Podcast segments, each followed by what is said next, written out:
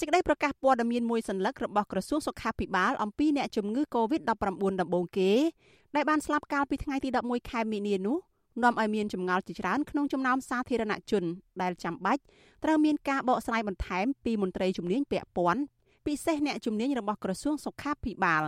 អ្នកស្រាវជ្រាវការអភិវឌ្ឍសង្គមលោកបណ្ឌិតសេងសេរីវាយតម្លៃថាព័ត៌មានរបស់ក្រសួងសុខាភិបាលនោះអាចចាត់ទុកថាគ្រប់គ្រាន់ដែរប្រសិនបើយើងមើលតែមួយជ្រុង លោកថានៅពេលដែលនិយាយពីព័ត៌មានដែលមានប្រយោជន៍សម្រាប់ពលរដ្ឋនោះចាំបាច់ត្រូវមានព័ត៌មានបន្ថែមទៀតប៉ុន្តែអាជ្ញាធរក៏គួរតែគិតគូរដល់ព័ត៌មានតាក់ទងនឹងឯកជនភាពរបស់អ្នកស្លាប់ផងដែរប៉ុន្តែដំណាក់កាលនេះខ្ញុំលើកទឹកចិត្តឲ្យគាត់ឲ្យក្រសួងនឹងធ្វើការងារជាមួយក្រុមគ្រួសារដើម្បីអាចទទួលបានព័ត៌មានលម្អិតជាពិសេសហ្នឹងព័ត៌មានតាក់ទងទៅនឹងសុខភាពផ្ទាល់ខ្លួនរបស់របស់សពហ្នឹងដើម្បីអាចជាប្រយោជន៍ទៅដល់ពលរដ្ឋដទៃនៅក្នុងការ ការពារជាមួយនឹង COVID-19 នឹងដែរបាទក្រសួងសុខាភិបាលបានបង្ហាញព័ត៌មានខ្លីមួយនៅលើទំព័រ Facebook ថាបរិះម្នាក់មានអាយុ50ឆ្នាំបានស្លាប់ដោយសារជំងឺ Covid-19 នៅមន្ទីរពេទ្យមិត្តភាពខ្មែរសូវៀតកាលពីព្រឹកថ្ងៃទី11ជាករណីស្លាប់ទី1នៅកម្ពុជាបរិះនោះមានលំនៅនៅសង្កាត់ចាក់អង្រែខណ្ឌមានជ័យជាអ្នកបើកបរឲ្យថៅកែជនជាតិចិននៅក្នុងខេត្តព្រះសីហនុដែលមានជំងឺ Covid-19 ជាករណីឆ្លងចូលសហគមន៍20កុម្ភៈ បរិះដដែលនោះត្រូវរកឃើញថាបានឆ្លងជំងឺ Covid-19 កាលពីថ្ងៃទី27ខែកុម្ភៈនាយកប្រតិបត្តិសម្ព័ន្ធអ្នកសារព័ត៌មានកម្ពុជាហៅកាត់ថាខេមបូចាលោកណូវីឲ្យអាស៊ីសេរីដឹងថាក្រសួងគួរបន្ថែមព័ត៌មានចាំបាច់មួយចំនួនទៀតដែលមានប្រយោជន៍ដល់សាធារណជននិងអាចជួយឲ្យមានការប្រុងប្រយ័ត្នការពារខ្លួនកុំឲ្យធ្លាក់ក្នុងស្ថានភាពជំងឺធ្ងន់ធ្ងរដោយប្រការណាមួយតើបរិះនឹងគាត់មានជំងឺអីពីដំបូង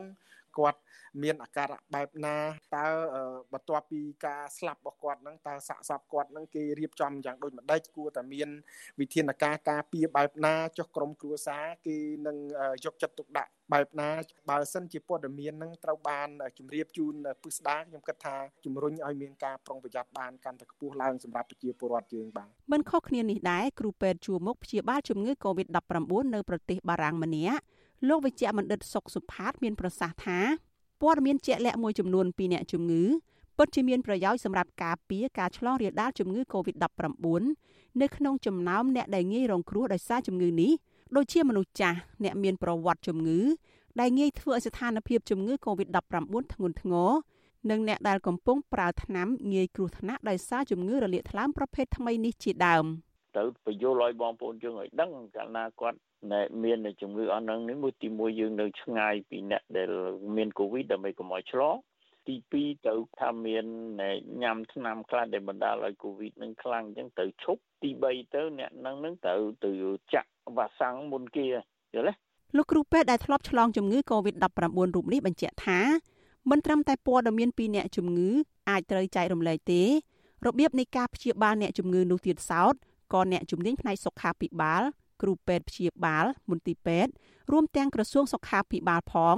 អាចចែករំលែកជាសាធារណៈបានដែរដែលរឿងនេះមិនតាក់ទងដល់ឯកជនភាពរបស់បុគ្គលឡើយប៉ុន្តែជាព័ត៌មានផ្នែកជំនាញវិទ្យាសាស្ត្រសុខាភិបាលសុទ្ធសាធមានរបៀបវិរៈគេចឹងអ្នកនេះឈឺកូវីដហ្នឹងបើកិនផ្ដាសាយនេះទៅឆ្នាំនេះហូតដល់រាកគេឲ្យឆ្នាំនេះ កាលណាមានដូចច្មោះដូចក្លិននេះមិនសូវនេះឲ្យឆ្នាំនេះអត់មានអីទៅលាក់បំបាំងទេវាមានទៀនទៅគឺជាដំបូងមានទៅឲ្យអ្នកដែលមានជំងឺអីដូចគាត់ដែលស្លាប់នឹងអញ្ចឹងប្រយ័ត្នមនុស្សគ្រប់វ័យសុទ្ធតែអាចប្រឈមនឹងឆ្លងជំងឺ Covid-19 នេះប៉ុន្តែអ្នកដែលងាយនឹងរងគ្រោះហើយធ្លាក់ទៅក្នុងស្ថានភាពជំងឺធ្ងន់ធ្ងរនោះគឺអ្នកមានវ័យចាស់អ្នកកំពុងមានជំងឺប្រចាំកាយមួយចំនួន មានដូចជាអ្នកធាត់ជ្រុលជំងឺទឹកនោមផ្អែមជំងឺបេះដូង ជំងឺមហារីកនិងជំងឺផ្លូវដង្ហើមដូចជាជំងឺហឺតជាដើមអាស៊ីសេរីមិនទាន់អាចសុំការបញ្ជាក់បន្ថែមពីអ្នកនាំពាក្យក្រសួងសុខាភិបាលបាននៅឡើយទេកាលពីយប់ថ្ងៃទី11ខែមីនាដោយទូរស័ព្ទចូលប៉ុន្តែពុំមានអ្នកទទួលប៉ុន្តែអ្នកនាំពាក្យក្រសួងសុខាភិបាលអ្នកស្រីអោបណ្ឌិនប្រាប់សារព័ត៌មានក្នុងស្រុកថាករណីអ្នកស្លាប់ដោយជំងឺ Covid-19 ក្រុមគ្រូពេទ្យបានពិនិត្យឃើញថាសួតទាំងសងខាងរបស់បរិះនោះ មានសភាពធ្ងន់ធ្ងរ ធ្វើឲ្យកង្វះអុកស៊ីហ្សែននៅក្នុងសួតនិងរលាកខ្លាំងរហូតសរីរាង្គរបស់បរិះរូបនោះទ្រាំទ្រលែងបាន អ្នកស្រីអាវវ៉ាន់ឌិនបន្ថែមថាអ្នកជំងឺមួយចំនួនទៀតក៏ស្ថិតនៅក្នុងស្ថានភាពធ្ងន់ធ្ងរគួរឲ្យបារម្ភដែរ ចំណែកស្ថាបនិកបណ្ដាញព្រះសង្ឃឯករាជ្យដើម្បីយុត្តិធម៌សង្គមប្រដេចប្រគុណបុត្របន្ទែងវិញព្រះអង្គមានថេរដីកាថាការលាក់ព័ត៌មានបានคล้ายជាវប្បធម៌ទៅហើយនៅក្នុងសង្គមកម្ពុជាព្រះអង្គបន្តថាពេលនេះពលរដ្ឋកំពុងមានចម្ងល់ច្រើនណាស់ ថាតើបរោះដែលត្រូវអះអាងថាមានជំងឺ Covid-19 នោះបានស្លាប់ដោយជំងឺនោះពិតប្រាកដមែនដែរឬទេតើអាចនឹងមានហេតុផលអ្វីខ្លះនៅពីក្រោយ នៅពេលដែលព័ត៌មាននានាហាក់ដូចជាចេញតែពីមាត់លោកនាយករដ្ឋមន្ត្រីហ៊ុនសែននិងគ្រួសាររបស់លោកច្រើនជាងចេញពីមន្ត្រីជំនាញផ្នែកសុខាភិបាលព្រះអង្គបន្ថែមថាករណីនេះគួរតែផ្ដល់ឱកាសឲ្យពេញលេញដល់អ្នកជំនាញសុខាភិបាល ផ្ដល់ព័ត៌មានពិតទៅតាមវិជ្ជាជីវៈរបស់ពួកគេត្រូវតែមានរបាយការណ៍បច្ចេកទេសមានរដ្ឋាភិបាលឬក៏លោកហ៊ុនសែនឬក៏ខាងយោធានឹងឡើងមកនិយាយខ្លួនឯងទេត្រូវមានមានអ្នកពាក់ព័ន្ធចូលរួមព្រោះរូបកូវីដនេះមិនមែនរូបរូបកម្ពុជាទេរូបសកលវាទើបតែមានភាគីយ៉ាងតិចក៏3ភាគីដែរគឺម្ចាស់ផ្ទះក្រសួងសុខាភិបាលខ្លួនឯង ភាគីទី2គឺអង្គការសុខភាពពិភពលោកភាគីទី3អ្នកអនុវត្តការងារក្នុងផ្ទៃលោកគ្រូពេទ្យនឹងតែម្ដងប្រដេចប្រគុណបន្តទៀតថាការលើកឡើងពីព័ត៌មានឯកជនភាពបុគ្គលនៅក្នុងករណីនេះនឹងរត់តែធ្វើឲ្យពលរដ្ឋមានការសង្ស័យកាន់តែខ្លាំងបន្ថែមទៀតទៅវិញទេ នៅពេលដែលពេលកន្លងមកអាជ្ញាធររដ្ឋាភិបាលមិនដែលឈឺក្បាលនឹងរឿងការបញ្ចេញព័ត៌មានបុគ្គលឯកជនជាច្រើនហូរហែនៅតាមបណ្ដាញសង្គម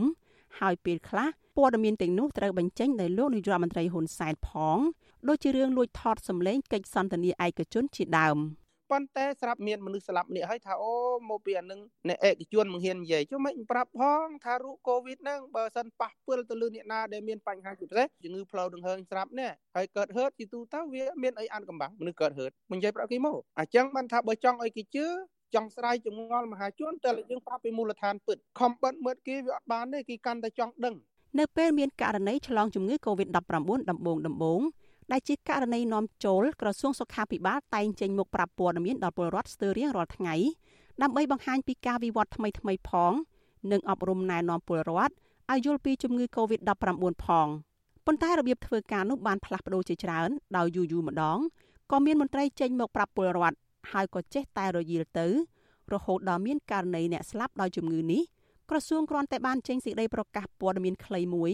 នៅលើ Facebook របស់ខ្លួន។គឺនៅមិនទាន់មានព័ត៌មានលម្អិតសម្រាប់ពលរដ្ឋនៅឡើយជាមួយគ្នានេះក្រុមអ្នកឃ្លាំមើលសង្គមរំពឹងថាក្រសួងនឹងអាចបកស្រាយចម្ងល់របស់សាធារណជន និងបន្ថែមការអប់រំដល់ពលរដ្ឋព្រោះករណីមានមនុស្សស្លាប់ដោយសារជំងឺ Covid-19 នេះគឺជារឿងធំហើយវានឹងធ្វើឲ្យមានផលប៉ះពាល់កាន់តែធ្ងន់ធ្ងរទៅដល់ជីវភាពរស់នៅរបស់ពួកគេ នាងខ្ញុំសុជីវីអាស៊ីសេរីរាយការណ៍ពីរដ្ឋធានី Washington